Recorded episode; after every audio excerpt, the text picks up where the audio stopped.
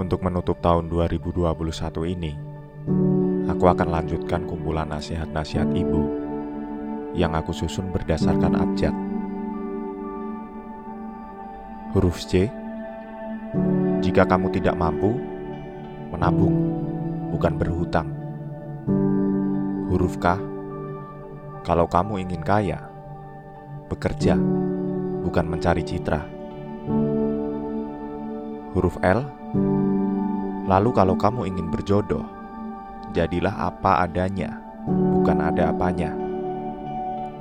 Huruf M, menangis bukan hanya milik perempuan.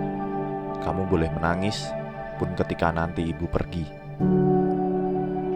Huruf N, niat saja tidak cukup. Kalau niatmu itu tidak kamu sertai dengan tindakan.